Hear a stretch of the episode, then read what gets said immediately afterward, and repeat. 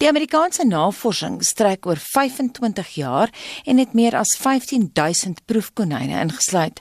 Wetenskaplikes het bevind dat die soort dieet op die lang termyn jou lewe kan verkort. Ons wetenskapskorrespondent George Claassen het die studie gaan bestudeer en sy mening daaroor met Monitor gedeel. Wel ek dink dis 'n uitstekende studie in die sin daarvan dat dit die eerste werklike langtermynstudie is. Hulle praat van longitudinale studies. Dit wil sê dit is studies wat gewoonlik oor 'n lang tydperk doen, oor 20, 25 jaar. Die die Framingham Heart studie in Amerika is die beste voorbeeld daarvan. Maar dis eerste wat gedoen word oor hierdie hoë uh, lae kalorie, hoë vet dieet en die resultate daarvan is baie interessant. Ek wil net 'n bietjie uitbrei daarop wat die studie baie goed maak is dit dat eerste plek oor 'n lang tydperk gedoen is. Dit was dit is nie sommer net 'n uh, skielike resultate oor 'n kort tydperk gedoen is nie. Hulle het hierdie mense oor 'n lang tydperk gemonitor en tot sekere bevindinge kom. Die tweede punt is wat dit baie goeie studie maak is dat dit meer as 15000 mense is by die groep betrek in die wetenskaplike wêreld hoe groter 'n studie is of hoeveel meer mense jy betrek by 'n studie hoe meer betroubaar raak dit. En die derde ding wat belangrik is dat hierdie statistiese data wat uit hierdie studie uitkom is baie belangrik en ek dink een van die belangrikste gevolgtrekkings wat hier gemaak word is dat die lae kalorie hoë vet dieet kan werk maar die die punt is net dat dit hang af watter soort vette jy gebruik. Plantvette is baie beter as diervette en die studie het dit baie duidelik beklemtoon.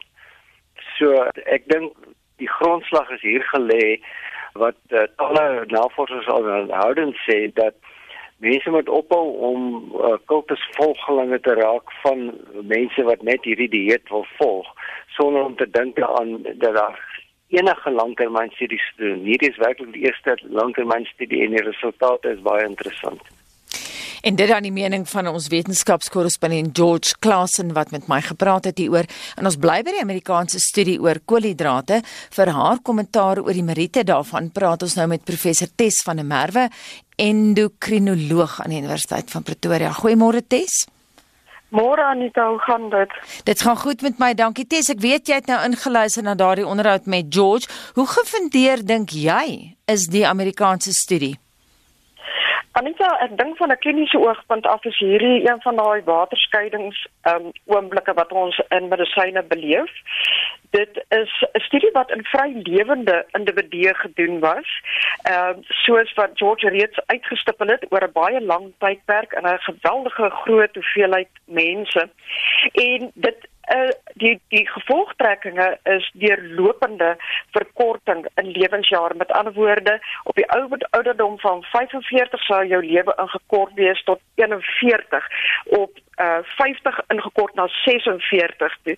En wat hulle gevind het is 'n klassieke U-vorm uh kurwe waar koolhidrate minder as 40% uh, in die dieet wat uh, gekompenseer word voor met hoofsaaklike diervette 'n verhoogde mortaliteit veroorsaak en dan interessant ook bokant 70%. Nou ek dink die verhoogde 70% inname is nie so groot verrassing nie want dit sal noodgedwonge hand aan hand gaan met 'n baie verhoogde inhoud van baie verfynde koolhidrate wat natuurlik ook sal lei tot 'n verhoogde kalorieinname, maar die onder 40% ene het nou bevestig wat ons eintlik glo Anita en dit is dat die brein uh of vetmassa is eintlik 'n breinsentriese model. Dit is nie bepaling van vetmassa is nie 'n vetselsentriese uh, model of teorie nie. En ek dink wat vir baie jare gebeur het is is dat ons baie hard probeer kyk dit na sekere magiese kragte wat gekoppel is aan verhoogde insulienvlakke in oorgewig mense en toe het die teorie van sogenaamde selfverhongering vorendag gekom waarin ons dan sou veronderstel of mense wat voorstanders was van die baie lae koolhidraat dieet sou veronderstel dat dit die liggaam dan sou forceer om 'n uh, eh, uh, ander produkte te gebruik in die liggaam uh, ten koste van die vetmassa en dat ons daardeur daai model uh, sal gewig verloor. Uh, dit bestaan nie die internasionale Europese uh vereniging het aan die einde van verlede jaar 2017 'n dokument uitgebring wat hierdie teorie uh, bewys het as totaal ongefundeerd. Hoekom leef 'n mens korter? Kon die navorsers dit beantwoord? Alhoewel ek dink die uh die die die studie was nie daarop uit om spesifiek dit te bespreek nie alhoewel as 'n mens die studie versigtig lees, hulle wel daaraan raak, maar ek dink dat die wetenskappe wat ons tot ons beskikbaar het, uh wel baie duidelik al uitgewys het hoekom daar verhoogde mortaliteite is. Mense moet onthou, met jou eerste grade van oorgewig al, is daar geweldige hoë vry vetsuur uh produksie in die liggaam. As jy dan 'n die dieet volg wat lae koolhidraat, hoë versadigde vet inhoud het, is dit soos om olie op die vuur te gooi. Wat letterlik gebeur is dat die vryvetsure binne in die sel 'n apparante metabooliese pad volg en dan 'n eindproduk tot gevolg het met die naam van ceramied. Ceramied kan apoptose, soos dit nou maar in ons taal is, of seldood veroorsaak. Ons weet ook dat terselfdertyd plaas hierdie tipe van uh aberrante paaie ook 'n geweldige oksidatiewe stres op die uh sel en dit lei tot baie vinnige biologiese veroudering en dit lei ook tot inflammatoriese toestande wat binne in die sel geskep word. En dan laastens Anita weet ons ook dat omdat daar nou 'n verhoogde hoeveelheid van die bouproduk is, is daar noodgedwonge 'n verhoogde vorming van trigliseriede en cholesterol en natuurlik dit gaan dan lei tot die voorkoms van sekere kanker, kolonkanker veral is 'n groot sonnebok, maar dan ook die bekendes wat ons ken, hartvaskiekte, ehm um, uh en beroertes. Die een wat vir my uh op 'n persoonlike vraag van baie belang is, is die biologiese veroudering en die apoptose, die doodgaan wat ons vind van die pankreatiese beta-sel. Met ander woorde, eintlik wat ons kry in hierdie dieete is dat ons 'n baie hoër insidensie van suikersiekte na 'n paar jaar begin sien. Wat as 'n mens vet en koolhidrate sou uitsny? Is dit nie die oplossing nie? Anita, dit is prakties onmoontlik. As 'n mens baie versigtig daar versigtig daaraan dink, wat 'n dieet eintlik lekker maak, is sy vetinhoud. Maar ons moet ons vette versigtig uh, kies. Ons moet hou by ons plantvette. Daar's geen uh, nodigheid om hulle uh, in hulle geheel uit te uh, te sny nie. Ons moet ons proteïene baie versigtiger kies.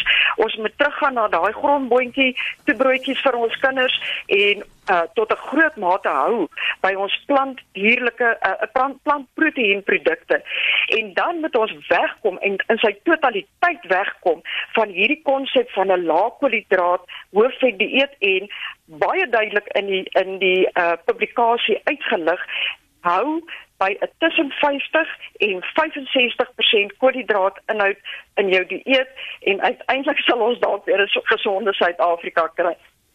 Dis net uh, laasens se kollega het nou eendag gesê toe ons die storie bespreek het, hy is nou al so de mekaar.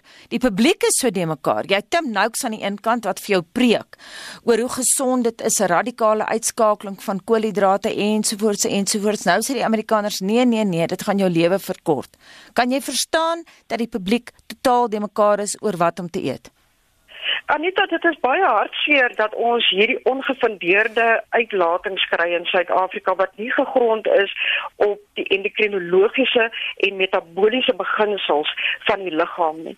Ons weet vir 'n absolute feit dat die uithongeringsteorie van die sel is nie gefundeer in enige metabooliese bane nie om dit blaatant vir die Suid-Afrikaner te stel vandag dit bestaan nie. Jy kan nie die liggaam forceer om van een groep gebruik te maak ten koste van 'n ander groep se bane metabooliese bane in die liggaam nie.